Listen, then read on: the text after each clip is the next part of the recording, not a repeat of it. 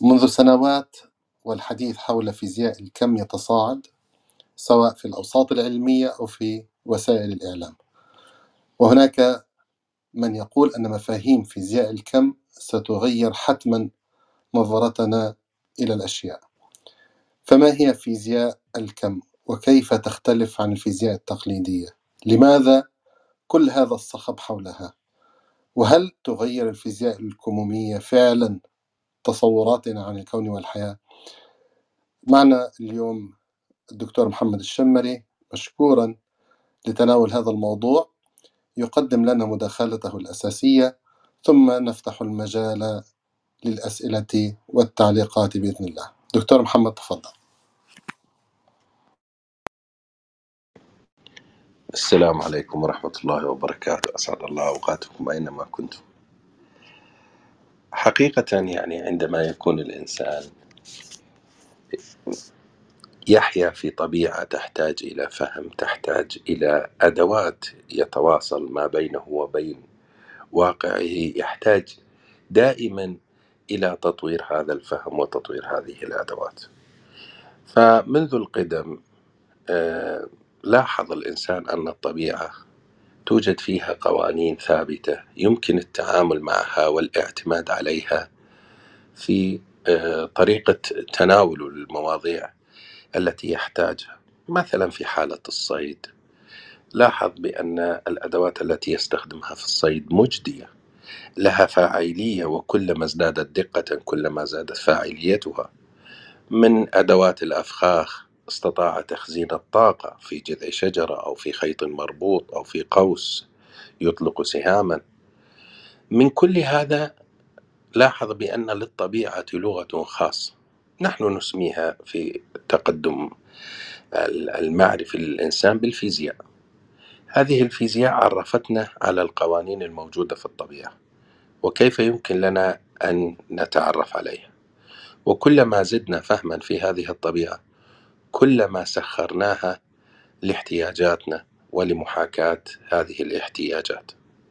وهذا يعتمد على فهمنا فنحن لا نستطيع أن نكتشف كل ما في الطبيعة دفعة واحدة. ترك ذلك على مجهوداتنا وسعينا بالتأكيد. ومن خلال مجهوداتنا وسعينا لا بد أن تصبح هناك بعض الملاحظات المسجلة عن ظواهر نحاول أن نفهمها. ومن خلال محاولتنا لهذه الفهم لهذا الفهم نضع الفرضيات ونبدأ بالتنبؤات حتى نتمكن لاحقا بعد ذلك من إيجاد السبل لتجريب هذه الفرضيات وهذه التنبؤات كي نرى توافقيتها مع ما تخيلناه من واقع في ال في ال في ال ما تخيلناه من تصورات عن واقعنا.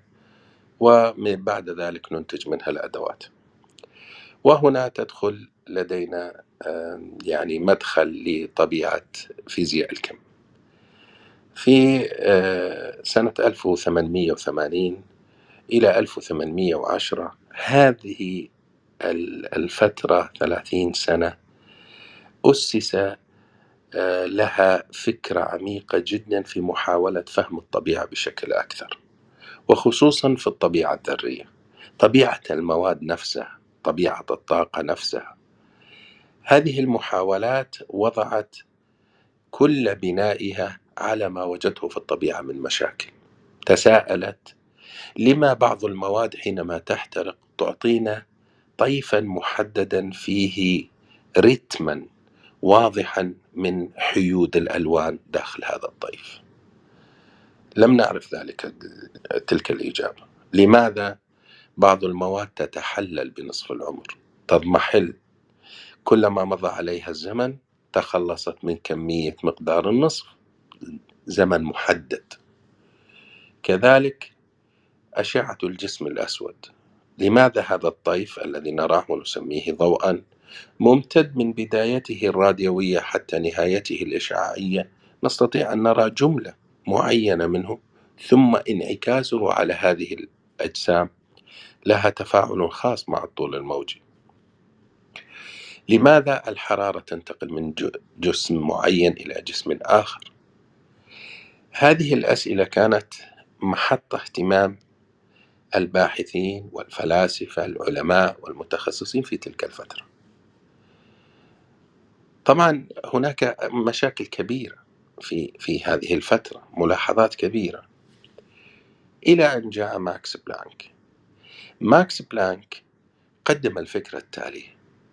أننا نحن نتعامل وكأنما مع عملة ثابتة لديها قيمة لديها أجزاء في الطبيعة.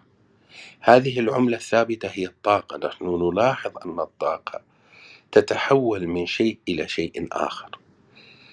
وماذا لو كانت هذه الطاقة لها كمات محددة بالحجم والطاقة التي يمكننا بحسابها نعرف طريقة هذا ال mechanism. وهذا الموضوع هو الذي جاء بميكانيكا الكم.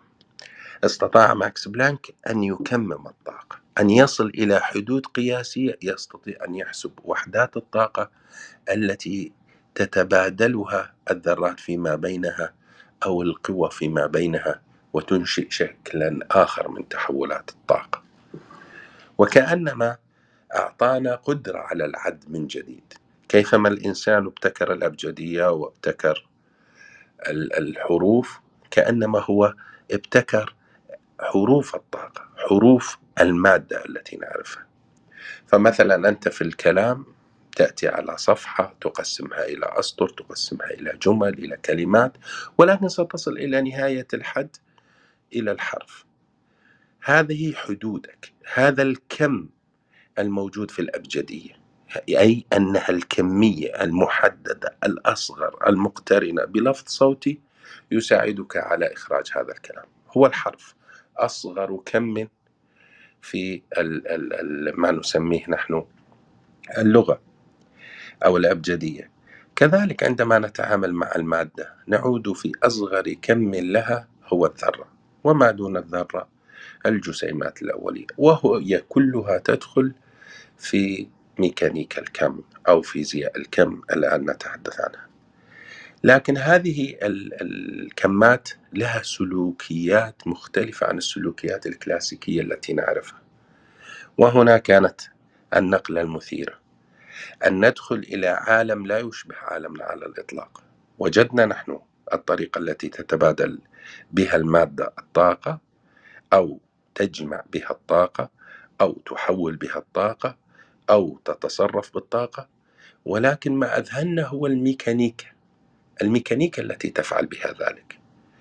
هناك حقول كمومية مختلفة dynamic مختلف space مختلف حسابات مختلفة ومنطق جديد منطق الاحتمالية. وهنا دخلنا عالم مثير جدا من عالم الكم. الآن هذه نقلة كبيرة جدا في الفيزياء ليست صغيرة. لماذا؟ لأنها عرفتنا على الشيء الأكثر بساطة من الذرة والذي يعرفنا كيف تتصرف الذرة. فكل ما تراه بعد ذلك من معارف يعود إلى عالم الكم. كل ما تراه من إثارات واندهاشات وأمور غير متوقعة من الطبيعة أن تقوم بها تجدها بفضل ما فهمنا لميكانيكا الكم. فهمنا الضوء فأنتجنا منه كل ما تراه من تطور. فهمنا المادة في تبادلها للطاقة فأنتجنا الترانزستور فأنتجنا أشعة ليزر انتجنا ال MRI انتجنا ال X-ray انتجنا وانتجنا وكل ما بين يديك من technology يعود في أصله إلى مباحث محاوله فهم فيزياء الكم. لكن كما ذكرت أن العجيب في هذه الفيزياء ديناميكيتها وميكانيكيتها هي لا تشبه الكلاسيكية التي تعودنا عليها. وبدأت الآن محاولات تفسير هذه الديناميكيات وهذه الميكانيكا تتصادم مع فلسفتنا الكلاسيكية. تأتي بأشياء نحن لم نكن نتوقعها لأن فهمنا ليس مكتمل. عزل الاختصاص وعزلنا العاطفي من المعرفة السابقة سبب هذه التصادمية. طبعا هذا استمر من 1910 إلى 1970 بعد 1970 أصبحت الأمور أكثر هدوءا. بدت تذاب تلك الحدود التي كنا يعني نتصارع ما بين فيزيائيين وفلاسفة لأن الفيزيائيين استطاعوا أن يثبت أفكارهم في كثير من السيناريوهات التي فسروها وقدموها. وكذلك الفلاسفة استطاعوا أن يفهموا ماذا يحدث في هذا العالم الجديد. فلذلك هي ثورة حقيقية ونقلة نوعية في فهمنا في كل شيء. أنا حاولت أن أختصر يعني ممكن من الممتع نركب أنا وأنت في سيارة نص ساعة ونذهب رحلة نص ساعة ولكن أن تتحدث عن ميكانيكا الكم لازم نعد من مئة سنة.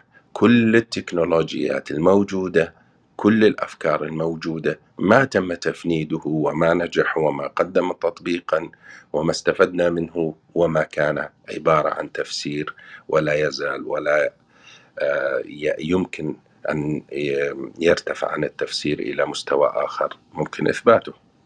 فلذلك الموضوع كبير جدا، تحية لكم إن شاء الله من خلال وجودكم ومناقشاتكم نصل إلى تفاسير أكثر ومساعدات أكثر في فهم هذا الموضوع. أشكرك دكتور محمد. لو بدأنا إذا في مجال آه، أن تضرب أمثلة تبين الاختلاف بين عمل الفيزياء التقليدية وعمل فيزياء الكم. جميل. الفيزياء التقليدية هي فيزياء كلاسيكية تعتمد على الحتمية.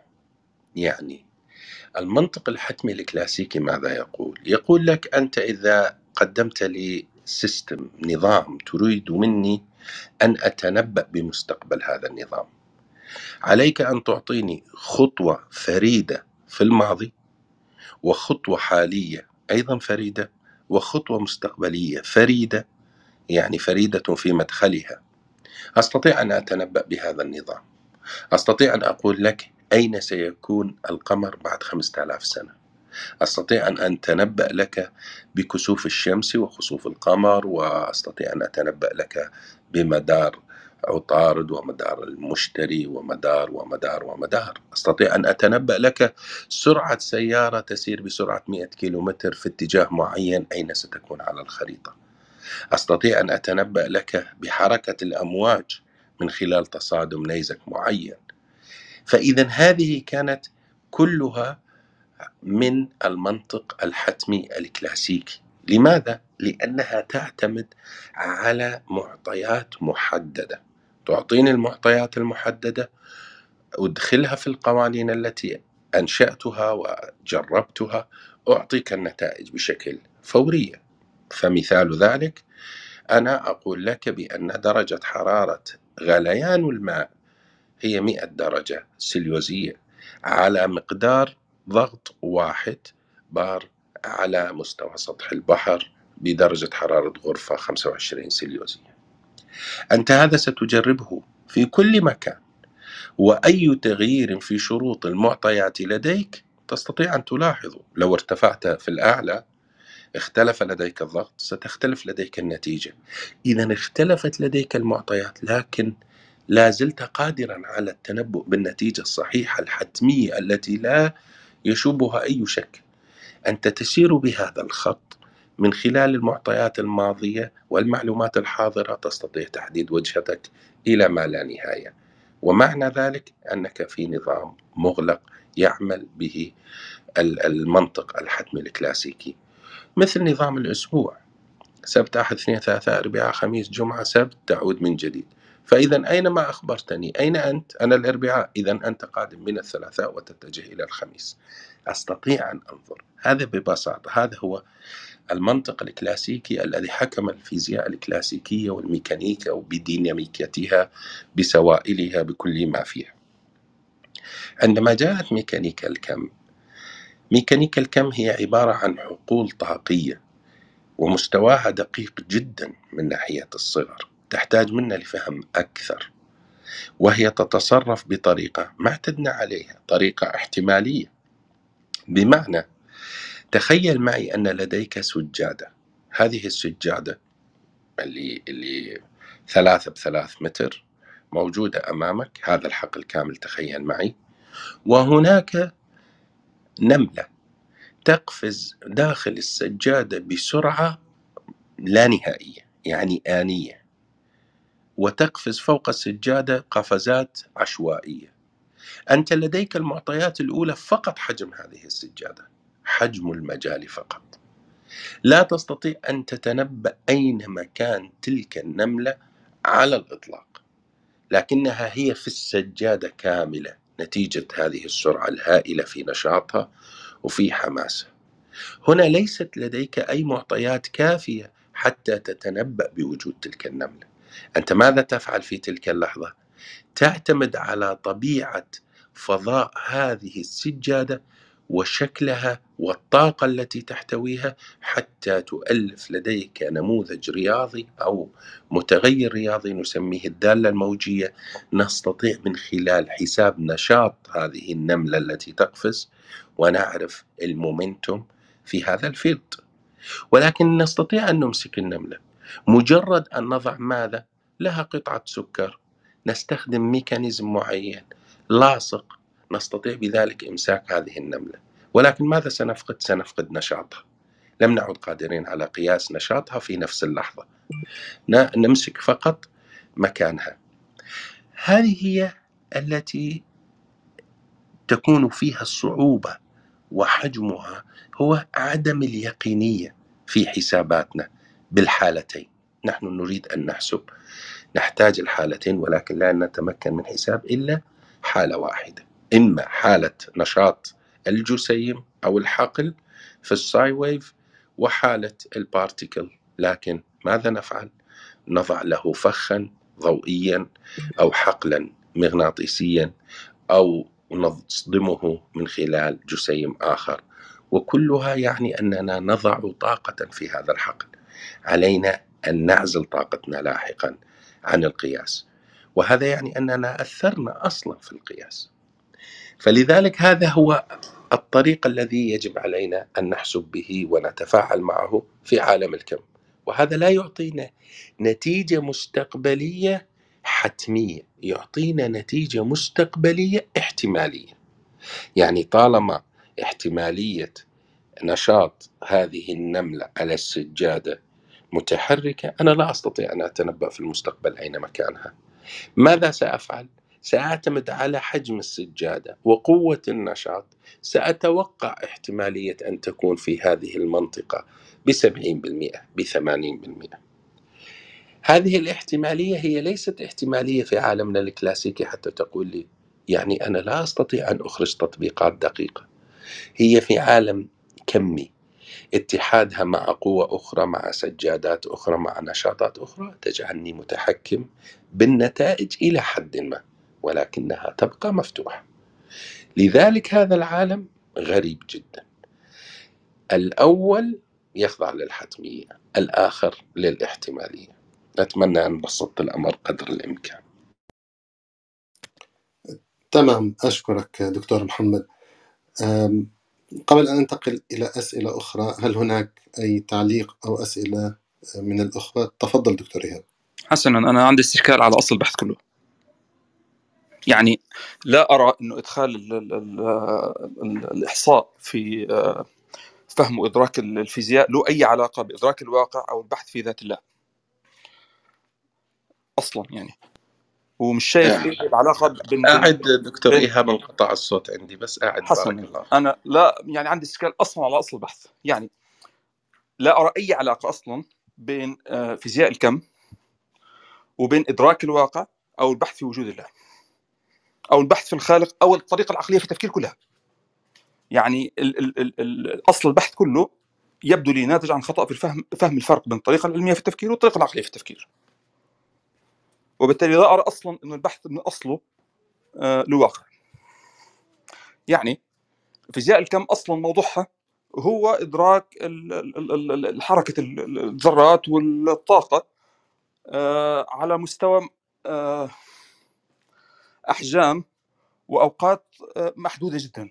يعني لما تنزل لحدود ال- الأنجستروم يعني واحد على التريليون من المتر وأكثر ولحدود آه، أوزان تحت ال femtogram يعني واحد على حاجات كثير أو 10 to the minus 15 من الوزن. ولما تنزل لأوقات أصغر بكثير من ال من ال nanosecond بيبقى لها معنى وتبقى مفيدة في فهم ال العلاقات العلمية بين ال- ال- الطاقة وال- وال- والمادة على المستويات ديت. لكن في بحث الوجود نفسه والوجود من عدم اللي هو محل البحث في الخلق ديت ده كلام كله ملوش معنى لأنه البحث في الخلق هو الخلق من عدم. ودي ما بتبحثش في الخلق من عدم دي عماله بتبحث في انتقال الطاقة من شكل لآخر ومحاولة فهمه. ثانيا ده كله في الآخر آه، آه، موديل. يعني تمثيل للواقع وده محاولة لفهم الواقع ما هواش محاولة لإدراك سبب وجوده. والأبحاث دي كلها متعلقة بما يمكن ضبطه في في المختبر والوجود من العدم لا يمكن أصلا ضبطه في المختبر لأنه العدم مش ممكن حصره في المختبر. فده كله كلام بحث في غير في غير واقع يعني. فأنا مستشكل أصلا على أصل البحث ومش شايف إنه آه، يعني له مردود يعني. جزاكم الله خير. أنا لا أعلم دكتور إيهاب أنت من أين جئت بأن أصل البحث كان هو في أصل المعرفة أو مصدرية المعرفة أو بحث الخلق أو بحث الخلق من عدم أو بحث ما العدم؟ هو تصور تصورك عن الكون. لماذا لماذا قفزت هذه دي القفزة مش قفزة ده, ده, ده نفس الكلام. تصورك عن الكون متعلق بالخلق من عدم. وهل الكون له خالق ولا لا؟ وإحنا بنعمل إيه في هذا الكون؟ ودي مسألة أصلا متعلقة بالوجود من عدم وفي ادراك وجود الخالق ومتعلقة بالطريقة العقلية في التفكير مش بالطريقة العلمية في التفكير. فإحنا لأنه موضوع البحث هو وتصوراتنا عن الكون أنا عمال بوصف العنوان أوكي؟ فأنا مش شايف أي علاقة أصلا للفيزياء الكمية بتصوراتنا عن الكون.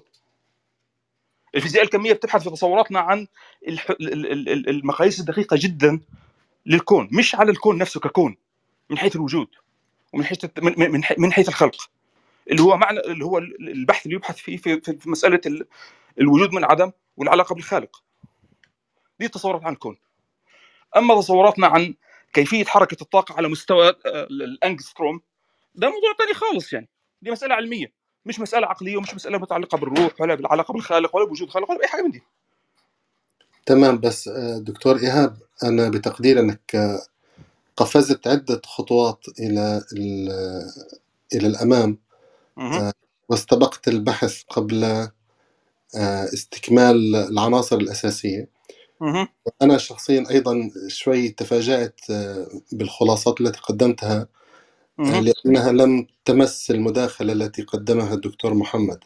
ما أنا مش فاهم ال- ال- ال- ال- ال- الفيزياء الكم أصلا بأي أبحاث عن الكون وتصوراتنا للكون ما تمام ما فيش ما فيش علاقة. ت- تمام خلينا خلينا نصل إلى هذه آه، النقطة. آه، آه، حتى على الأقل نتمكن من التعليق سلبا أو إيجابا أو على الأقل لتشكيل آه، فهم آه، ما حول هذا هذه النقطة تحديدا. فإذا رجع فإذا رجعنا إلى الدكتور محمد يعني أنا دعني آه، أضرب أو يعني أبسط أو أقدم مثلا مبسطا آه، لما تقدم به الدكتور محمد. يعني في الفيزياء التقليدية لو أردنا أن نطلق صاروخ مثلا من قاعدة ألف إلى هدف باء فهنا نأخذ مقاييس محددة منها مثلا السرعة منها آه، الوزن آه، منها آه، الطقس منها الحرارة إلى آخره. ونتوقع من خلال هذه الحسابات أن يتم الإطلاق بشكل دقيق نحو الهدف. هذه هي الفيزياء التقليدية. الآن في فيزياء الكم حسب ما فهمت أنا أن هناك إمكانية لتطوير آه، عملية الحسابات بشكل مفتوح آه، أوسع بكثير بشكل لا يلغي المفهوم السابق عن الفيزياء الكلاسيكية التي نحن فهمناها. إنما يعطينا آفاقا جديدة للتعامل مع مثل آه، هذه المسائل أو غيرها من المسائل مش قبل صحيح. أن مش صحيح. الكلام ده مش صحيح. علميا مش صحيح. طيب لأنه يمكن موضوع البحث موضوع البحث الحالتين مش نفس الشيء. طيب ممكن بس أحاول أخذ من دكتور محمد هيك جواب على هذا اللي قدمته أنا من ثم أيضا أخذ تعليقك. دكتور محمد لا أدري إذا كان لديك تعليق على ما قلته. يعني طالما يعني يعتبر كلمة تصوراتنا للكون لها آه، بعد فلسفي معين أو لا ورائي أو اعتقادي أو ديني أو مبحث مرتبط بالخالق سبحانه وتعالى يعني أنا أفضل أن يتغير العنوان آه، ويكتب على ما يوجد في الفضاء فقط. على ما يوجد في الفضاء حتى لا يعني تقفز المفاهيم إلى حيث لا نريد. نحن نبحث مبحث معرفي. لا نذهب إلى مصدرية المعرفة. مصدرية المعرفة لها يعني استخدامات أخرى. وأنا لا أريد أن يعني يكون مبحثي إلا في الزاوية العلمية. يعني لا أخرج من هذه الزاوية صومعة الفيزيائية فقط. يعني حتى لا يساء فهم الأمثلة ولا حتى آه، تجتزأ وتؤخذ في غير سياقها. المسألة الأخرى المادة بطبيعتها التي نتعامل معها لديها ميكانيكية في تبادلها لهذه الطاقة. ففي مستوى معين من اكتساب الطاقة لجزيء الماء ستصبح روابط الذرات فيما بينه ضعيفة وتحصل على مسافات واهتزازات أعلى بكثير وهذا ما يحول المادة من السائلة إلى البخار. وتضاعف هذا الحجم استخدمناه في إنتاج المحرك البخاري كما تعلمون. فلذلك عندما نفهم ميكانيكا الكم وكيف تتبادل المواد للطاقة فيما بينها استطعنا أن ننتج الترانزستور لأنه عبارة عن بوابات تفتح عندما تصل مستويات الطاقة في مواد معينة ليمت معين. فتفتح أنفاق تبادل هذه الطاقة مع المادة التي بقربها. وعندما تصبح المادة التي بقربها بمستوى معين من الطاقة تفتح إلى نقطة أخرى. فبطريقة فتح الأولى وفتح الأخرى وفتح الثالثة أصبح لدينا سماح وقتي بمرور هذه الطاقة أي أننا يمكن أن نعير هذه الطاقة بمرورها على الوقت. فمرة تصبح صفرية المرور ومرة واحد في المرور. مرة تسمح بمرور التيار ومرة لا تسمح. وهذه الاتفاقية التي سمحت لنا ببناء كل ما تراه من تكنولوجيا تعتمد على ما نسميه المعالجات سي بي يو أو جي بي يو أو كل شيء. لماذا؟ لأن المواد المستخدمة من السيليكون من أنصاف النواقل ومن النواقل هي التي سمحت ببرمجة مرور التيارات. وهذه البرمجة خلقت لنا لغة برمجية نستطيع أن نستفيد منها في محاولة نقل الرسائل من طرف إلى آخر وعرض هذه الرسائل وما نسميه من تكنولوجيا بكل حدودها.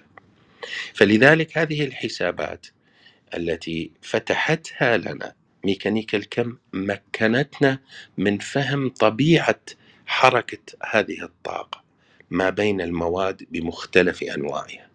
ومكنتنا كذلك من السيطرة على هذه المواد بحيث نستطيع أن نرسم كودا معينا ينتقل بطريقة صحيحة ويستقبله الآخر بطريقة صحيحة من مصدر محدود إلى مصدر ومتلقي محدود.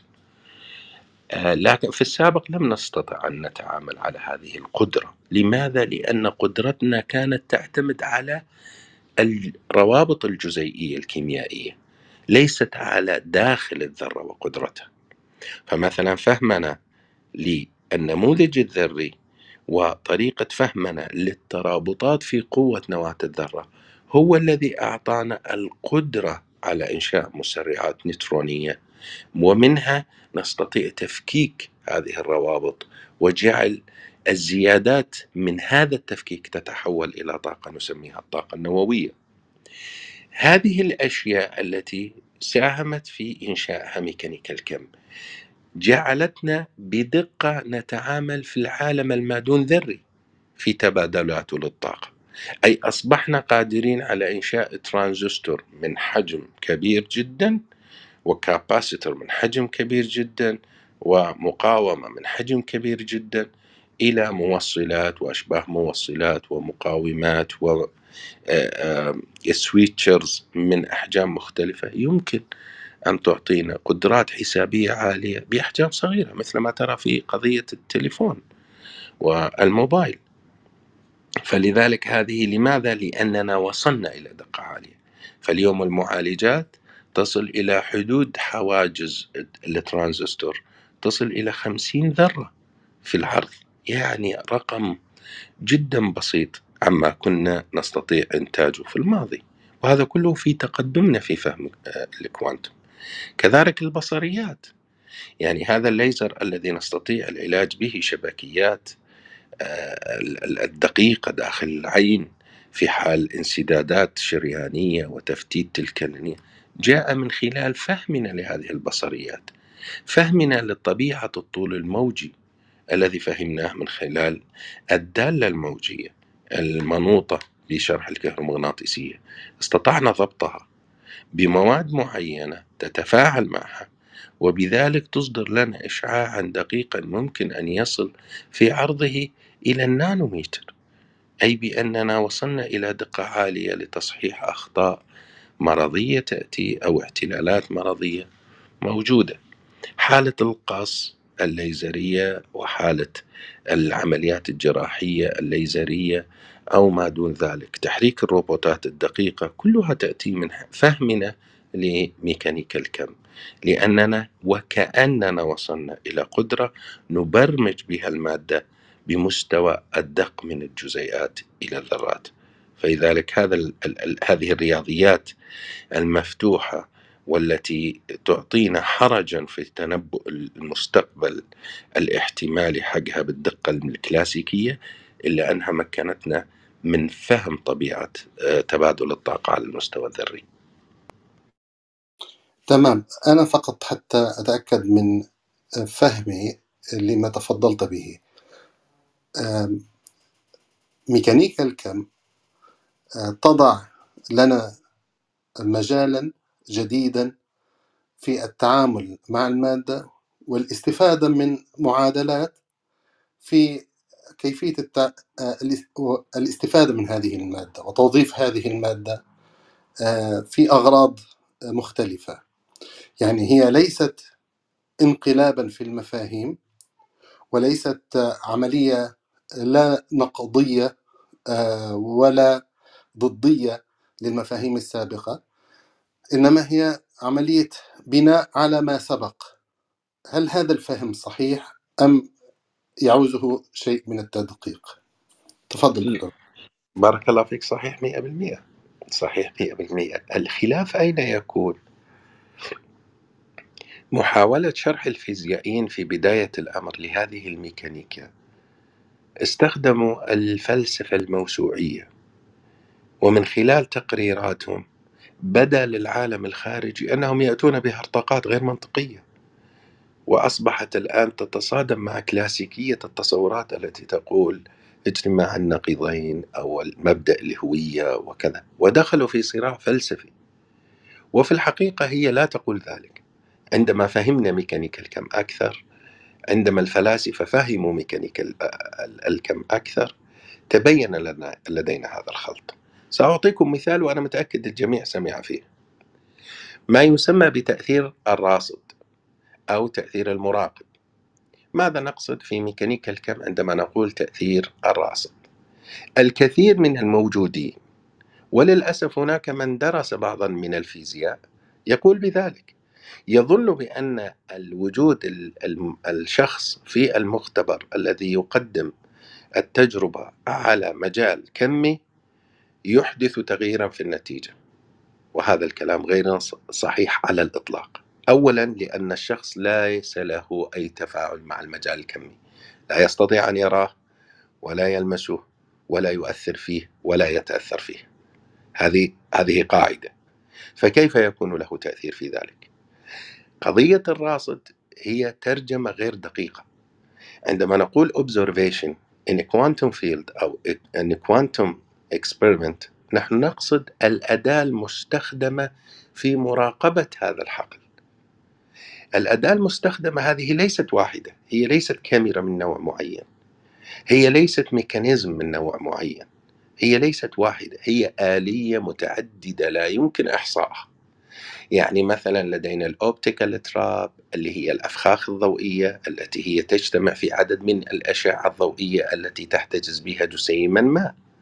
لدينا ال induction effect اللي هو التأثير الحثي الذي نستثير به الحقول الكهربائية داخل هذه الجسيمات من خلال الحقل المغناطيسي. حتى نستطيع نعرف وجهتها ومكانها وطريقة دورانها وهكذا. لدينا كذلك ما يسمى بال donut beam اللي هو عبارة عن إشعاع بشكل أنبوب يحصر داخله حقلا مغناطيسيا عالي الدقة نستطيع من خلاله حجز تلك الجسيمات.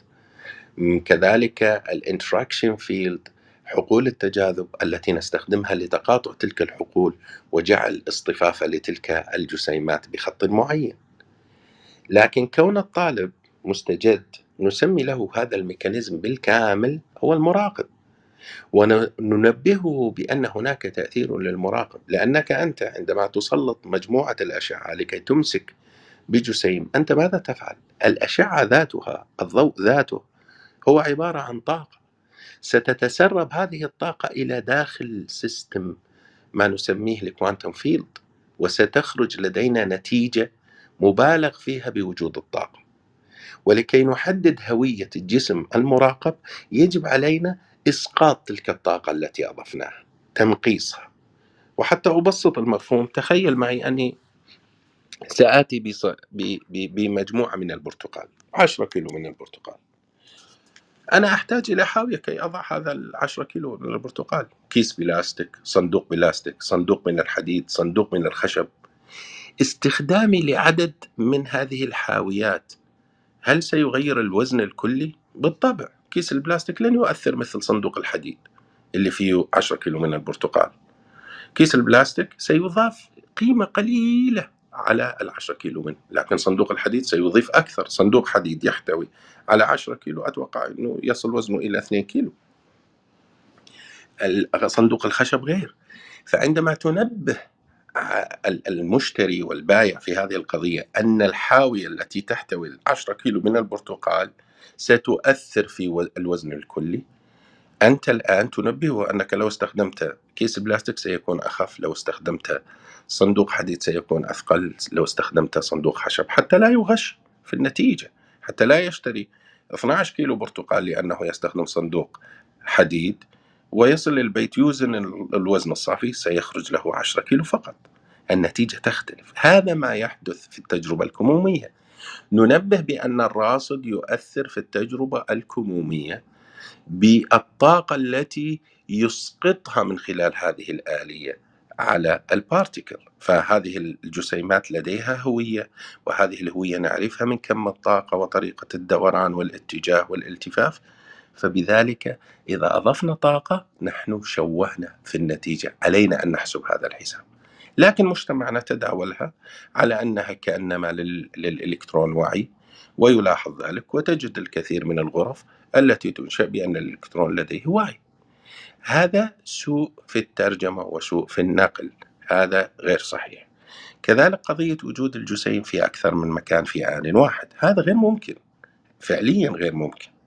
هو ممكن في طريقة الحساب. يعني عندما أنا أضع الحسابات بالساي ويف أنا سأشمل السجادة كلها بحسابي لأن المعطيات ليست دقيقة لدي. سأشمل جميع الاحتمالات. فإذا النملة التي كانت تقفز كما ذكرت لكم وحماسها الشديد وسرعتها التي لا أستطيع أن يعني أن أحسبها ستكون موجودة في كام جميع أنحاء السجادة لكن عندما أريد أن أقيسها وأخضعها على القياس لابد أن تظهر في مكان واحد. فإذا هو القياس هو الذي يحدد مكانها ولا يمكن أن تقيسها في كل مكان كما يحاول البعض تسويق هذه الفكرة بأنها تضرب في الضرورات العقلية عدم الفهم في هذا الاختصاص يسبب هذا اللبس في تفسيراته واستخدام هذه التفسيرات في القضايا الخارج مكانها أو خارج اختصاصها أيضا يثير اللغط في القضية الفلسفية.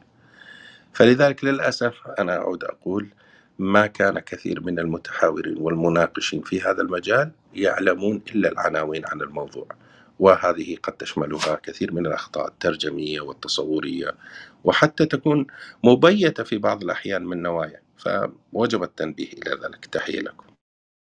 أشكرك دكتور محمد. حقيقة آه، ما طرحته الآن آم، آه، هو الذي ربما أوجد حساسية من طرح فيزياء الكم. وهي حساسية ليست مبنية على فهم آه، فيزياء الكم وكيف تعمل فيزياء الكم إنما هي حساسية نتجت كردة فعل على إقحام البعض تصورات افتراضية على مفاهيم فيزياء الكم لتفسير نشأة الكون وتشكيله. بالتالي نشأت معركة بتقديري في غير محلها وحرفت الموضوع تماما عن صعيد بحثه. فهل تتفق معي بهذه النقطة؟ في أتفق معك طبعا ولكن في هناك نقطة جدا مهمة ignorance drive science. في بعض ال- ال- ال- ال- القضايا الجهل يكون هو من يقود العلم. المسيرة المعرفية التي نحاول أن ننشرها من خلال بحوثنا من خلال من نقاشاتنا من خلال حواراتنا هي محاولة لتبسيط العلوم تلك العناوين. لكن هناك كثير من استمسك بهذه العناوين وجعل منها طعنا لمعتقدات الآخرين أو البعض أخذها ليسند به معتقداتهم. ولا يعلمون أنهم يستخدمون عناوين قد لا تمس المضامين بشيء. المضامين. فأنا أتفق معك. الحساسية الموجودة هذه هي حساسية التصورات المطلقة. بمعنى أنا في الماضي كان لدينا الحلاق هو ذاته الذي يخلع الضروس هو ذاته الذي يقوم بالحجامة هو ذاته المطهر في الحارة كلها وهو حلاق. يعني هو هذه الموسوعية التي يملكها. لماذا؟ لأن هذا الاختصاص والاختصاص المتفرع منه ما كان حد يقوم في هذه الأعمال فكان هو يقوم بكل هذه الأعمال. لكن بعد مدة عندما الآن تفردت هذه وأصبحت الاختصاصات أضيق أصبح كل له عمله ما عاد موجود. في الزمن السابق يحاول تفسير تفسير الطبيعة ومن يحاول تفسير الظواهر لا بد أن يقع في تصورات الناس منه تصورات حسب أدواته هو يراقب بعينه المجردة. بفهمه الناتج من التحامه. فوقعت في نفوس الناس كثير من التفسيرات عن الطبيعة. عندما جاءت الاختصاصات الدقيقة وقالت أن هذه التصورات خاطئة هي متطورة أكثر من ذلك هي بهذا الشكل. هنا لابد أن تصبح هناك تصورات متصادمة لأن هذا كان يراها بهذا الشكل بأدواته الطبيعية البسيطة. وهذا الآن المختص لديه أدوات أكبر. يستطيع إثبات أشياء أكثر. فهنا أصبحت التصادمية. خصوصا أن عالمنا استقبل العلم مع استقبال الراديو. باتت تأتينا أخبار العلم من الراديو. ونحن لدينا عقائد لدينا امتدادات معرفية ومنهج تقبل الأشياء ورفضها. فهذه دائما تصبح متداولة. وهنا تخلق الحساسية. لأن الكثير من الذين نحترمهم أو نصل في بعض الأحيان إلى رؤية تقديس لهم قدموا تصوراتهم عن الطبيعة وهنا أو عن المنطق وهنا تصبح التصادمية سيدي الفاضل. تمام. يعني أنا أذكر من منطلق تجربة شخصية. منذ سنوات التقيت آه، مع أحدهم وهو آه، كاتب معروف ولكن آه، من خلفية يسارية هو بصراحة ملحد. آه، ودار حديث بيننا فقال لي آه، نظ- نظرية فيزياء الكم آه، غيرت المفاهيم بشكل مطلق للكون. ومن اطلع على نظرية فيزياء الكم يدرك أن هذا الكون ليس بعازة إلى إله. أنا شخصيا يعني بذلت آه، جهدي فيما بعد للاطلاع على هذه النظرية ووجدت مقولته مقولة تعسفية تماما وعملية آه، توظيف آه، غير محتملة لهذا العلم وهو عملية تبريرية لما يذهب إليه من أفكار وآراء مسبقة. هل يوجد في نظرية الفيزياء الكمية. ما يؤيد ما ذهب إليه هذا آه، الشخص؟ العلم أداة محايدة. يعني استخدامها هو يقع ملامته على المستخدم. فمثلما أنتج قنبلة ذرية تدمر مدينة أنتج المفاعل النووي الذي ينير مدينة. اليوم هذا المفهوم الذي نقدمه. لو جئتك أنا وقلت لك بأن هذا يطعن وجود الخالق بالتأكيد أنا استخدمت هذا العلم بغير مكانه لأنه ليس مكانه أن يبحث أشياء ليست قابلة للقياس. كل ما يوجد في العلم ورحلتنا المعرفية العلمية المعتمدة على أبعد أدوات ممكن أن نأخذها كالرياضيات يعتمد على حالة القياس. إذا شيء قابل للقياس إذا قابل للفهم قابل للتفسير قابل للتصور قابل بأن نضع عليه ونحيطه بتفسيراتنا ونظرياتنا وغير ذلك. لذلك هي نقل هذه المفاهيم إلى منطقة ليست منطقتها هذا سوء من المستخدم لهذه المفاهيم. العلم لا يستطيع أن يقدم إثبات ولا نفي لما ليس عليه قدرة للقياس لا يستطيع. هو يقع في إشكالية كبيرة. إلى اليوم نحن ميكانيزم الزمكان نحاول أن نفهم ديناميكيته وفهمناها معين لكن في ماهيته الأساسية إلى الآن لا نستطيع فهمها لا نملك فهما لذلك. نفهم الجاذبية ولكن لا نفهم ماهيتها. النار استخدمناها مئات الآلاف من السنين ثمانين ألف سنة. لم نفهم ماهيتها إلا من 200 سنة. العلم لا يستطيع أن يتجاوز حدود القياس. يعني إذا لم تعطني شيء قادر على قياسه أنا أتوقف تسقط جميع أدواتي. فلذلك عندما أتجه نحو بداية هذا الكون وأصل إلى حدود تصبح فيه المادة المركبة من الطاقة التي أعرفها القابلة للقياس غير موجودة. تصبح فقط حالة من الطاقة بشكلها الغير مركب. ماذا يحصل عندي؟ تنهار كل أدواتي. فأقول لك هنا تقف أدواتي. أنا ما قبل هذه اللحظة لا أعلم شيء. ليس لدي تأكيد على شيء. كل ما يأتي حول هذه النقطة سيكون محاولات تفسير وافتراضات. دليل قطعي لا أملك. لماذا؟ لأن أدواتي لم تعد تعمل. أدوات القياس انتزعت تماما. السكة التي يمضي عليها هذا القطار توقفت تماما. الآن هي المشكلة أيضا من الجهة المقابلة. يعني عندما تأتي إلي وتدعي مثلا أن مثلا بعض الإخوة يدعون أن الأرض مسطحة. طيب كل الدلائل العلمية الموجودة والرصدية الموجودة والفرضية الموجودة والقوانين التي تعمل بين أيدينا كلها تعمل على أرض كروية. يعني الأرض المسطحة لا يمكن أن أقبلها. الطرف الآخر يذهب إلى قفزة نوعية أخرى ويدخل تصوري أنه ضد تصور وجود الإله. هل تستطيع أنت الآن أن تقول لي هل أنا استخدمت العلم ضد تصور وجود الإله؟ أم هو ارتكن لفهم خاطئ لديه لهذه الأشياء الموجودة بين أيدينا؟ وعزى ذلك إلى أنه تفسير لمقاصد الإله ومن يقف ضد ذلك يكون ضد الإله.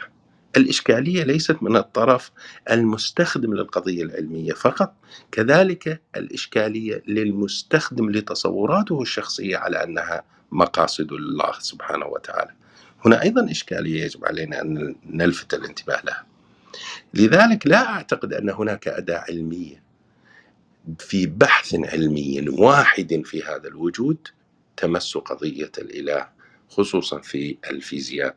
كمختص فيها أتحدى أن تأتوني ببحث واحد محكم ومنشور وله تدخل في إيجاد أو رفض وجود الإله. أتحدى. هذا غير موجود. العلم لا يستطيع أن يعمل بهذه الطريقة. تمام. أشكرك دكتور محمد. دكتور إيهاب عودة إليك. الآن طرحنا بعض الأسئلة ربما لها علاقة مباشرة بالذي بالنقطة التي استشكل استشك استشكلتها بالبحث. فلا أدري إذا كان لديك إضافة ما أو بس أنا أولا أنا في عندي آه، تعليق وبعدين هرد على السؤال يعني. ال- حركة الصاروخ أو الأجسام الضخمة ضخمة يعني أكبر من اسمه إيه ده؟ يعني من نانوميتر يعني. آه، ما هياش محل البحث الفيزياء الكم يعني. فالصاروخ والقطار دي حركة كلاسيكية يعني. والكلام كله هذا أصلا المشكلة أصل المشكلة هي الافتتان بالعلم وموضوع البحث لازم إنه يكون يركز على الافتتان بالعلم. أما مسألة إن إحنا نغوص في آه، الكلام فيزياء الكم بالعربي اللي أنا مش أصلا مش عارف أعمله يعني أو في الفيزياء الكلاسيكية بال- بالعربي أو بالإنجليزي يعني هذا مش مش يعني مش بحث جاد لا في الكون ولا في فلسفة الكون. فالمشكلة هي إنه في ناس بتعبث والرد على العبث مش إن إحنا نشاركهم العبث. الرد على العبث إنه يقال إنه ابتداء أنت تعبث. يعني أنت تستخدم طريقة علمية في التفكير في بحث قضية لا تصلح أن يستخدم فيها طريقة علمية في التفكير. إذا المسألة لا يمكن أن تدخل المختبر أنت بتعمل إيه؟ الوقت يكون إنه إنسان سفيه يسمح لنفسه إنه يسطو على مصطلحات علمية ويستخدمها لإثبات إنه متعالم. ده تعالم. والتعالم. دي مشكلة نفسية يعني. يا إما إنسان جاد يا إما بيتعالم وعنده مشكلة نفسية. المشاكل النفسية لا تعالج عقلا أصلا يعني. يعني أنت هتناقش واحد واحد بيحاول يتمنظر إزاي يعني. ده واحد عاوز يعني عنده مشاكل عاوز يشبعها يعني. آه، يروح يشطب بنفسه يعني. فيعني من من الإسفاف بال بال بال بالبحث الجاد إنه يناقش الم- المرضى نفسيا يعني. اللي بيستخدم. اللي بيسطو على مصطلحات مثلا علم الكم أو مصطلحات فيزيائية من علوم أخرى أو مصطلحات كيميائية من, من ال physical chemistry مثلا. لإثبات وجود الخالق أو عدم وجود الخالق. ده مريض نفسيا محتاج علاج. مش مش إنسان جاد يعني عشان يبحث معاه يعني؟ وكون الكلام ده منتشر عند الغربيين دي مشكلة مش... من ضمن مشاكلهم النفسية يعني. مش محتاجين نقل عند المسلمين الناطقين بالعربية كمان يعني. جزاكم الله خير. في في توضيح ممكن أتداخل فيه. أكيد تفضل تفضل. نعم. آه وجود الذرة في كل مادة هذه بديهية أعتقد علمية يعني كلنا يعلم ذلك أن كل مادة لابد أن تعود إلى وجود ذرتها. والذرة هي من عالم الكم. ميكانيكا الكم بها فهمنا كيف الشمس تحافظ على وقودها. كيف أن القنوات الكمومية هي من تحدد الكمية التي تستهلكها الشمس في الثانية لإنتاج هذه الطاقة. ال charged particle القادم من الشمس. استطعنا أن نعلم بميكانيكا الكم كيف يتحلل ويصبح مصلحا لذات الطبقة التي تحمينا في الغلاف الجوي. فلا ليس لست متفقا مع يقول الدكتور إيهاب أن الأشياء كبيرة بميكانيكيتها لا تخضع في كثير من آه، أساسياتها إلى ميكانيكا الكم. لا بل تخضع. لأن مثلا ال photoelectric effect كيف نحن ال- ال- النباتات تتأثر بعملية التركيب الضوئي؟ وهذا في الحقل الزراعي. هو من تفاعل الفوتونات مع خلايا معينة في النباتات. فمن هنا نستطيع أن ندخل إلى فهم أعمق وأدق ل mechanism التركيب الضوئي في النباتات. حاسة الشم التي نستخدمها هي أيضا تخضع لقوانين معينة في ميكانيكا الكم. كذلك الهجرة الطيور التي تستخدم الحقول المغناطيسية للأرض كذلك تخضع لميكانيكا الكم. آه، ال- الألفا والبيتا التي نستخدمها في التصوير الإشعاعي لكي ننظر إلى العظم بطريقة مختلفة هذه أيضا تخضع لميكانيكا الكم. أنت لا تستطيع أن تعزل هذا. إذا اخترت نظاما مثلا في القطار أن القطار لا يخضع نعم لا يخضع في ميكانيكته اللازمة لنقل الأشياء من مكان إلى مكان. لكن طريقة انفجار الوقود في داخله هذا الديزل لماذا ينفجر عند ضغط معين وشرارة معينة؟ هذا يعود إلى ميكانيكا الكم أي يعود إلينا لنفهم كيف نوفر قدرة أكبر ونقلل الاستهلاك. في الوقود لأننا فهمنا كيفية عملية تبديل الطاقة القطارات السابقة تصل إلى 18% من قدرتها فقط.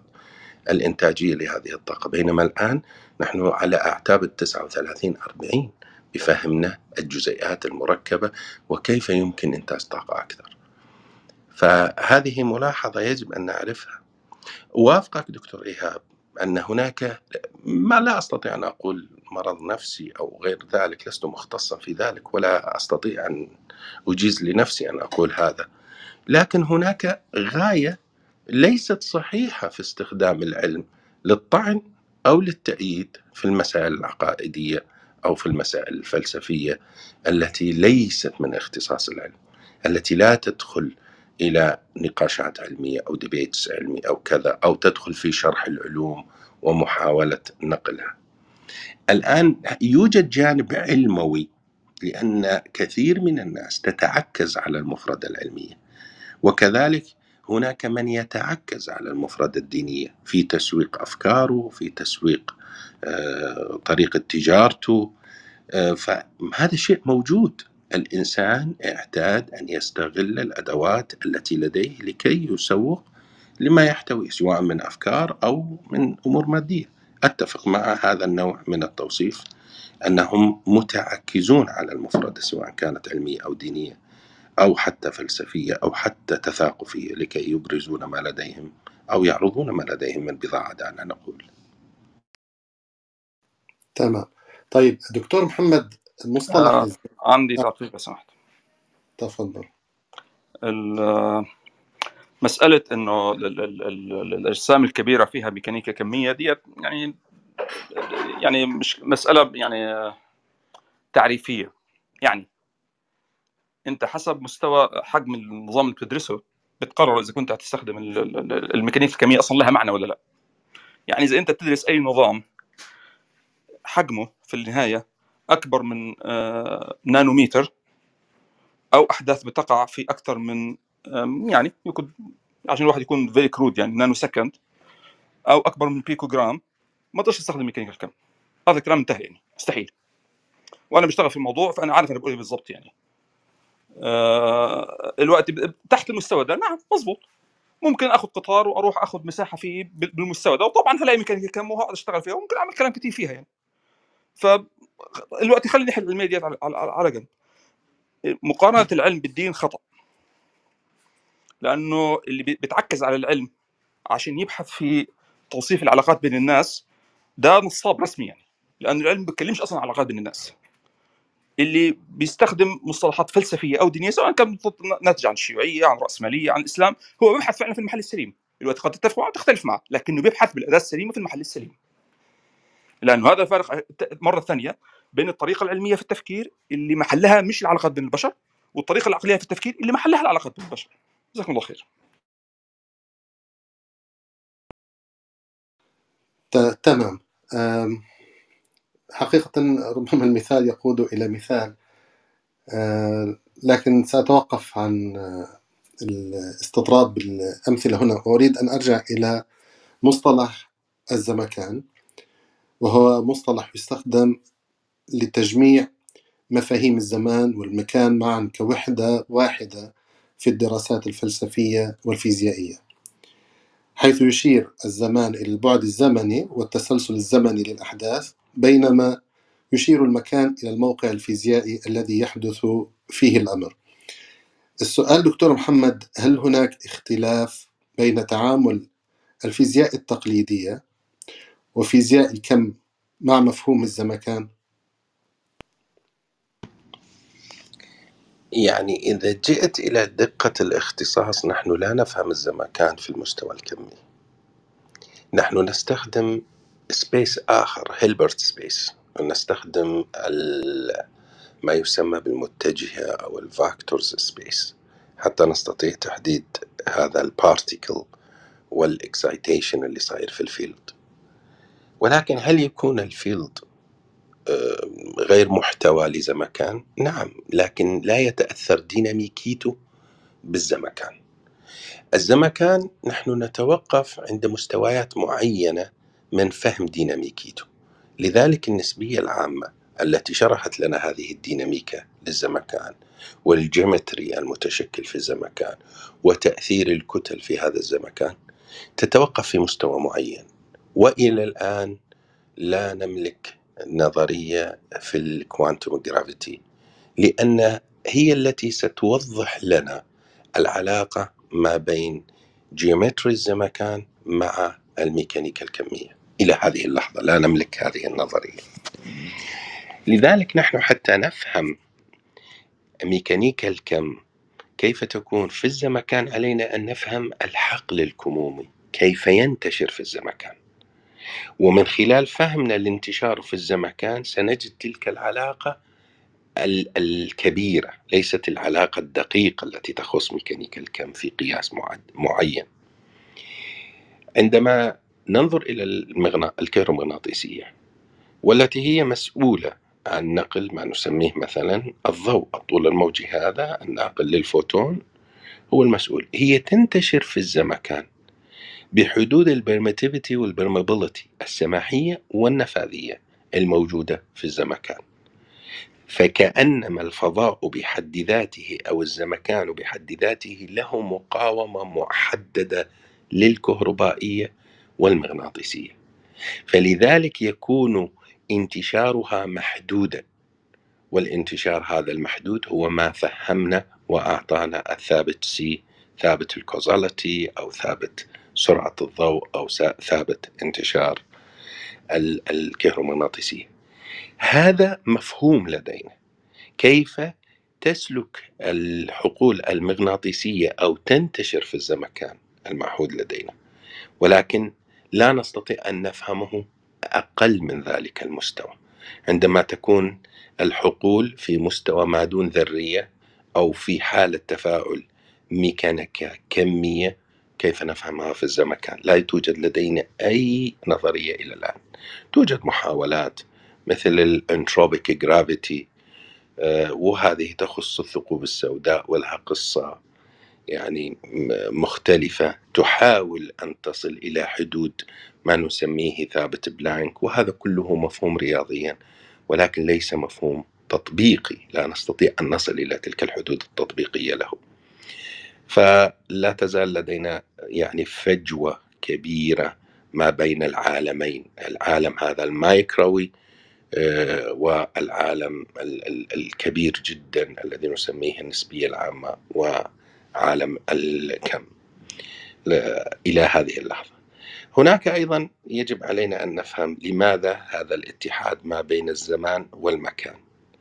الآن فلسفيا هناك يعني عمق في هذا الموضوع وتفصيل وتصورات لا أستطيع يعني أن أحصرها في ما يأتي من قول لكن سأشرحه بطريقة فيزيائية إن شاء الله تكون بسيطة. في بداية فهمنا لميكانيكا الحركة التي تعتمد على المسافات المكانية والانتقال من نقطة إلى أخرى في زمن نيوتن وغاليليو كان لديهم مفهوم م- موجود للنسبية. يعني النسبية منذ ذلك الوقت هي مطروحة. ولكن مطروحة على شقين نسبية في المكان ونسبية في الزمان يعني مفصولان. ويعتبر المكان مطلق والزمان مطلق فلا تنطبق النسبية المفروضة هذه إلا في حالة التحويلات. يعني جاليليو قدم التصور التالي قال أنا لو كنت على الشاطئ وصديقتي في النهر على قارب معين سيكون التحويل ما بيني وبينها مكاني فقط لأن المكان بالنسبة لي مطلق والمكان بالنسبة لها مطلق. لكن حركتها ستؤثر على قدرة قياسي للمكان بيني وبينها قدرة القياس. ليس التأثير على المكان نفسه إنما على قدرة قياسه. ففي اللحظة التي يبدأ بها القياس من أول القارب اللحظة الأخرى التي ينتهي بها القياس لآخر القارب سيكون القارب تحرك وأفقده الدقة المطلوبة للقياس. وهذا ما يسمى بالنيوتن إن جاليليو ترانسفورميشن اللي هي تحويلات آه، نيوتن وجاليليو وهذا الأمر من سنة يعني 1640 إلى 1878 كل العلماء والفلاسفة والمتخصصين الذين يعملون في هذا المجال كانوا يبحثون في هذا الأمر من ناحية أن المكان والزمان شيئان منفصلان وهما مطلقان. إلى أن جاء آه، لورنتز. لورنتز هو مثل ما يكون عالم فيزياء كان عالم رياضيات عبقري. واستخرج المعادلات التي نسميها نحن Lorentz transformation لأن هناك حالة من القياس ستكون نسبوية لنسبة الحركة. أي أن النسبية دخلت الآن في الحركة وقلصت طول القارب لأنك اعتمدت على القياس الأول والقياس الثاني في نقلة زمانية. صح القارب يتحرك في المكان لكن قياسك أثناء القياس ما بين النقطة A رأس القارب والنقطة ب مؤخرة القارب أنا أنت استخدمت الزمن لنقل القياس من A إلى B وهذا الزمن على تحرك القارب أثر في طول القارب. كانت الفكرة غريبة جدا آنذاك ومستبعدة. ولا يوجد من العلماء من يهتم فيها لكنها كرياضيات أنيقة ومرتبة وصحيحة.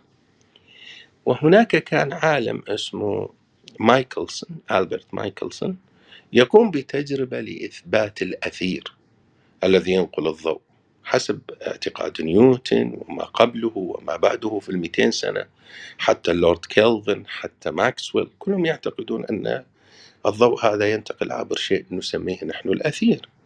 وهذا ال- ال- الأثير له ديناميكية وله اتجاه حركي معين. وكوننا نحن على الأرض وهذه الأرض تدور حول الشمس فلا بد أن تمر داخل هذا الأثير. ومن خلال هذا الأثير.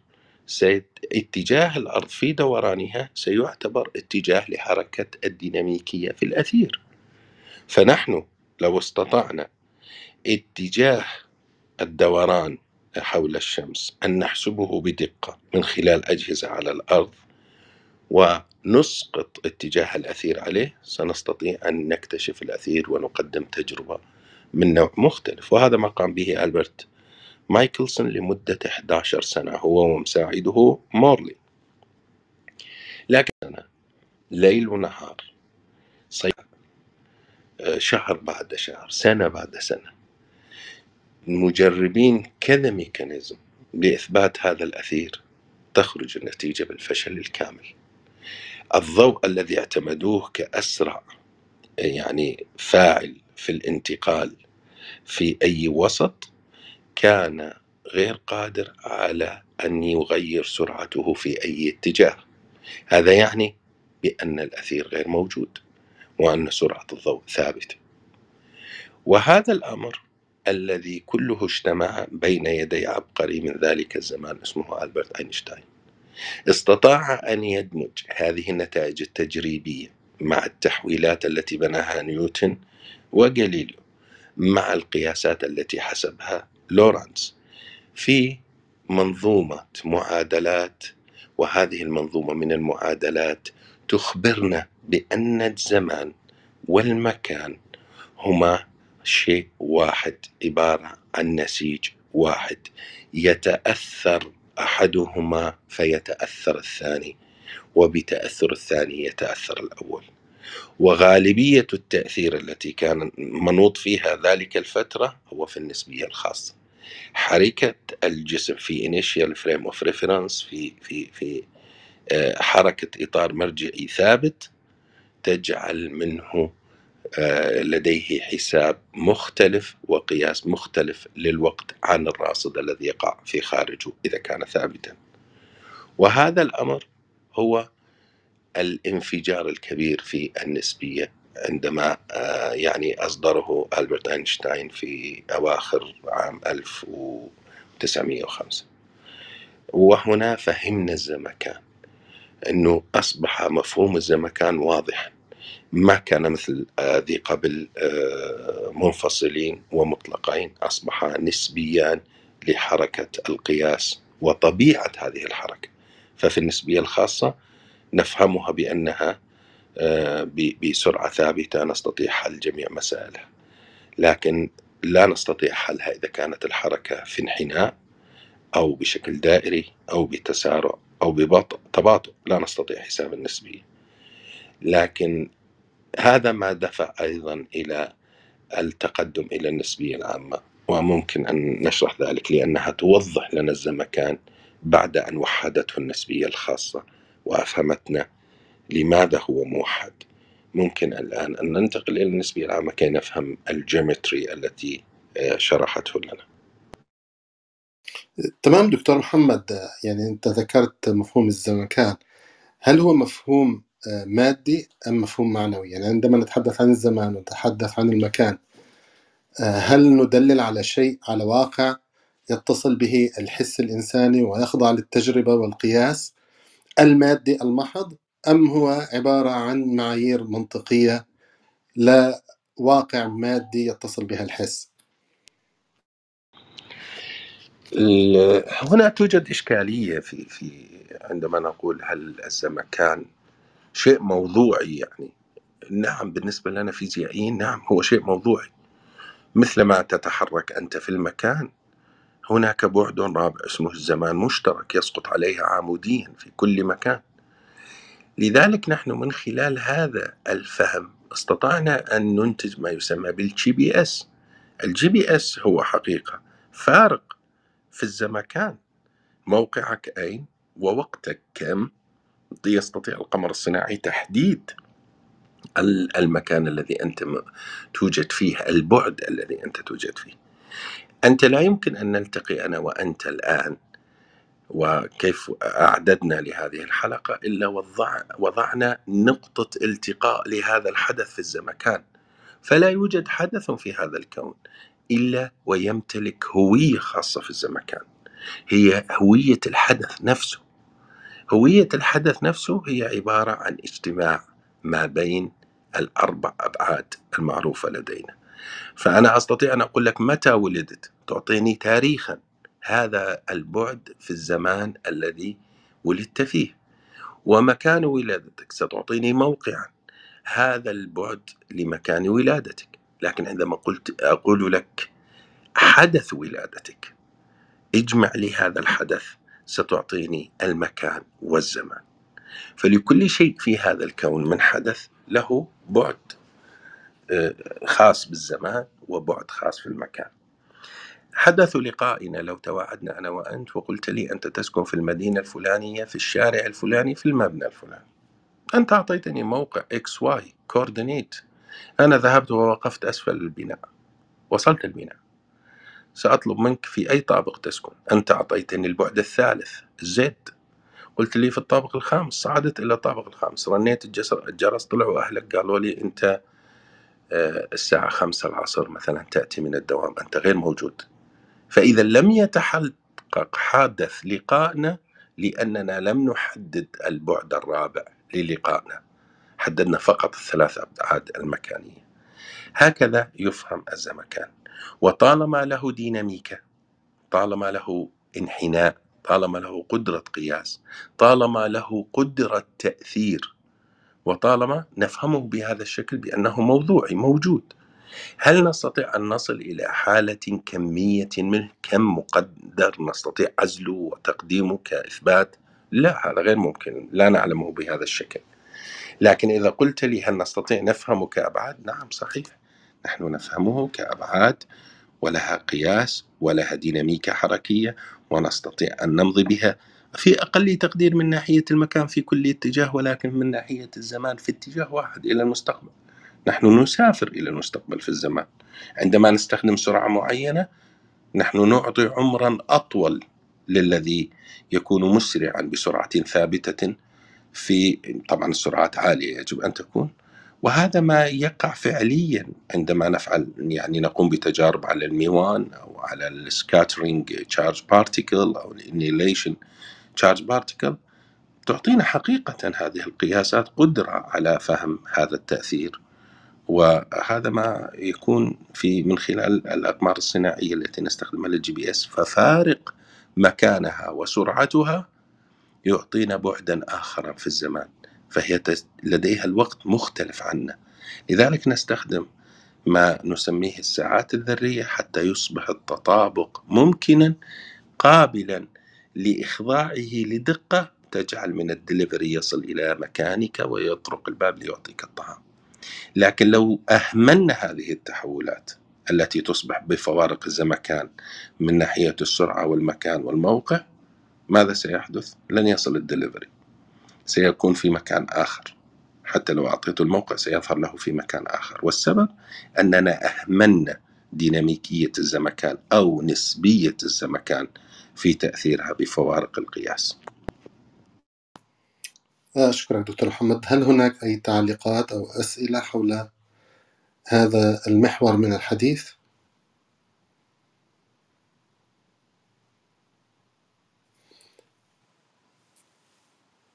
تمام. طيب آه، أريد أن أنتقل إلى نقطة أخرى متعلقة بذات البحث. آه، عندما نتحدث عن الشيء المادي فنتحدث عنه ببعده الزماني والمكاني. عندما نتناول مفهوم العدم فهل هو آه الذي لا يرتبط بالزمان ولا المكان أم هو شيء آخر؟ لا نستطيع أن نقيسه أصلا ولا نستطيع أن نفهمه بالمنطق العلمي المجرد. هو إجابتك الثانية. طالما لا يوجد عليه أي قدرة للقياس لا نستطيع أن نفهمه ولا نستطيع أن نناقشه في المسألة العلمية. لذلك العدم بالنسبة لنا غير موجود. يعني لا نستطيع أن نقول بأن العدم موجود لأن كلمة العدم موجود يجب علينا أن نشير إليه وهذا يعني أننا أعطيناه بعدا في الزمكان وهذا يعني بأنه شيء ليس عدم. فلذلك لا نستطيع أن نفهم خارج هذه الجملة. لا نفهم فيزيائيا معنى العدم. هناك معنى آخر نستطيع أن نفهمه.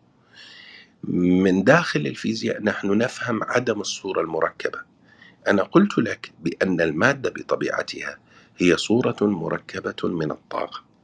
فعندما تكون لدي ذرة من الهيدروجين أو ذرة أخرى من الهيدروجين المضاد فهما يؤولان إلى تدمير صورتهما المركبة وتحريرها على شكل طاقة فأعدمت الصورة المركبة ولكن لم تعدم الطاقة مثلا الطاولة التي أمامي لو أني فككتها إلى تريليونات الأجزاء أو فككتها فقط كما جاءت من إيكيا ماذا أقول؟ أين الطاولة؟ ليست موجودة الطاولة بعد التفكيك وعندما أركبها تعود الطاولة فإذا الصورة المركبة للطاولة ممكن أن تنعدم وممكن أن تعود.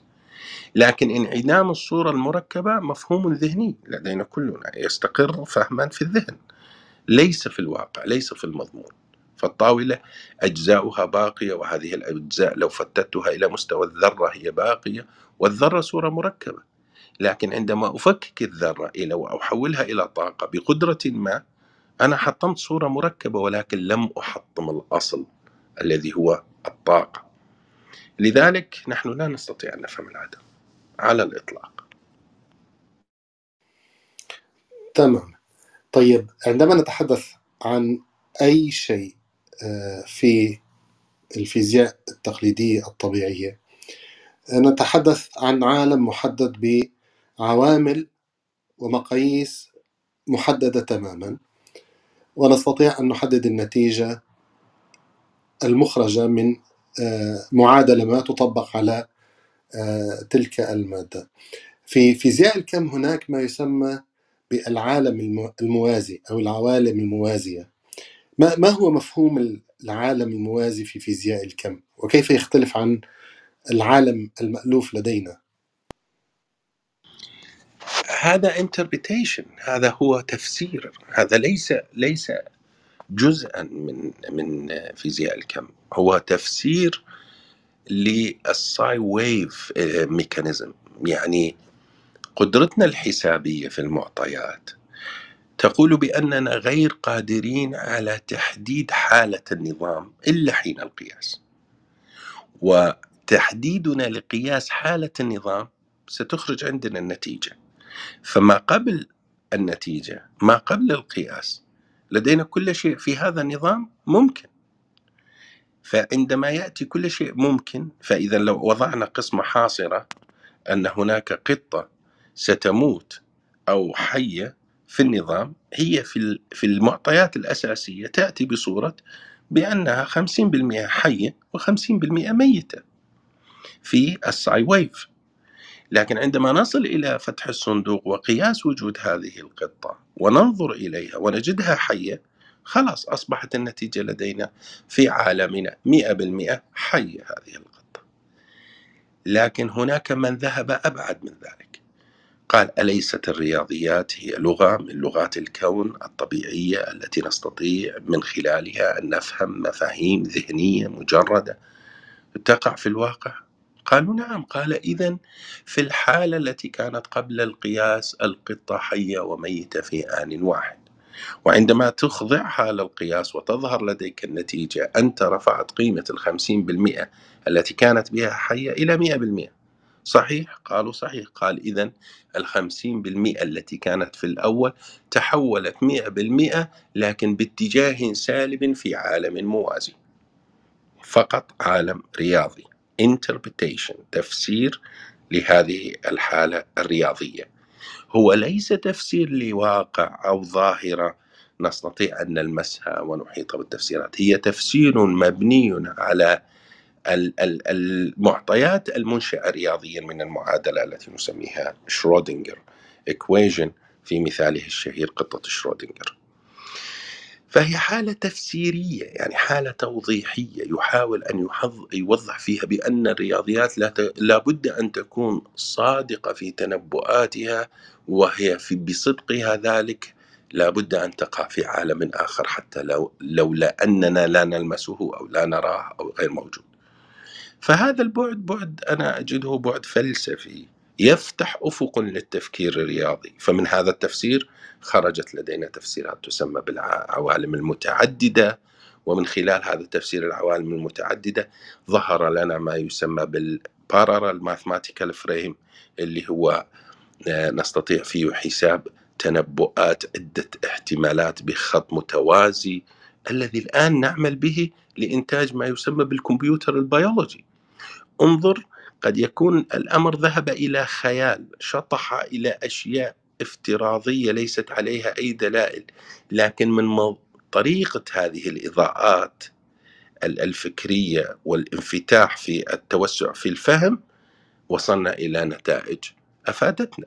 ولذلك نجد في بعض الفطر الآن آه، قادر على حل متاهة لو أخذها بالطبيعة بالبناء السيريال أو التتابعي يأخذ مثلا خمس ساعات لكن بالبارر الموازي يأخذها بشكل مباشر خلال دقيقة أو دقيقتان ينهي العملية هذه الفكرة هي التي عز جاءت من أين؟ من محاولتنا لتصور رياضي للعالم المتعدد المنشأة من محاولة تفسير لماذا الاحتمالية تعطي 50% من 50% فبعض الأشياء تكون ليست مباشرة في الإنتاج يعني البحث يكون في جهة وخيالي ونظري وبعيد جدا ولكنه يعزز مقدرات معينة كالمقدرات الرياضية التي تأتي بنتائج تطبيقية في جهة أخرى وهذا ما عزز قدرتنا على إنتاج أدوية بطريقة أسرع من خلال تعزيز قدراتنا على تكاثر البكتيريا من نوع معين أو تكاثر الفطريات من نوع معين. فلذلك هذه الرياضيات مهمة جدا. فعندما نقول عوالم موازية نحن نقصد بها تفسيرا لظاهرة فيزيائية استمدينا منها فهم رياضي. تمام. أشكرك دكتور محمد. آه، أنا لدي سؤال أخير أود أن أطرحه على الدكتور محمد. لكن إذا كان هناك آه، أسئلة أو تعليقات آه، من الأخوة تفضلوا. طيب إذا آه، دكتور محمد هذا سؤالي الأخير لك يعني وأرجو أن تلخص قدر الإمكان ما يمكن قوله آه، في موضوعنا اليوم آه، في ضمن الإجابة على هذا السؤال وهو هل يمكن اعتبار الفيزياء الكمومية ثورة جديدة في عالم المعرفة؟ نعم نعم باختصار هي أداة يعني ضخمة جدا فيها عدد من التخصصات الآن نتحدث عن أكثر من 21 تخصص. يفيد في فهم أكثر لنقل الطاقة طبيعة المادة إنشاء آه، موصلات أكثر دقة ربط الأعصاب ببعضها نقل الحس من منطقة إلى منطقة آه، طريقة إنتاجنا للرقائق الإلكترونية لمواد عالية الدقة على المستوى. الكمومي في الحلول الطبية في كل ما يمكن أن أن نذكره ما دون القياس الدقيق جدا ما بعد النانو. فمهم جدا أن نفهم ميكانيكا الكم بأنها آه، ليست فقط قسم رئيسي وفرع رئيسي من الفيزياء بل هي أم كل هذه التكنولوجيا المتطورة. حقيقة بغض النظر آه، يدرك ذلك أحدهم أو لا يدرك حتى لديها تأثيرات في قدرتنا على فهم تصورات جديدة تعزز قدرة الإنسان على المضي في هذه التصورات للوصول إلى نتيجة حقيقية وإن كانت الابتدائية ليست حقيقية. آه نحن لدينا ما يسمى بال mathematical frame theory وهي النظريات التي تحتوي على إطار رياضي فقط. وهذه تعزز أقسام رئيسية في الرياضيات. وأنتم كلكم يعلم مدى فائدة هذه الأطر الرياضية في حساباتنا ومستقبلنا وفهمنا لهذا الوجود. أجمل ما في هذا الوجود أنه قابل للفهم. وكل ما هو موجود يمكننا أن نفهمه. فقط علينا أن نسعى في هذا المجال. نفهمه أكثر ونذهب إلى دقته ونستخدم ما يقدمه في مكانه وزمانه الصحيحين. أعتقد أن الحكمة هي استخدام الشيء في مكان وزمان الصحيح. ميكا... ميكانيكا الكم الكم فيزياء الكم مكانها فيزياء الكم. ليست في النقاشات الفلسفية وليست في النقاشات العقائدية فسيكون فهمها واستخدامها خاطئ دون شك. من أي طرف كان. تحية لكم وأشكركم على الاستضافة. حياك الله دكتور محمد. أشكرك على المداخلة وعلى الإجابات التفصيلية والعميقة حول موضوع اليوم كما أشكر بقية الأخوة على المشاركة والمتابعة وعلى أمل اللقاء بكم في الأسبوع المقبل. في نفس التوقيت أستودعكم الله الذي لا تضيع ودائعه. والسلام عليكم ورحمة الله وبركاته.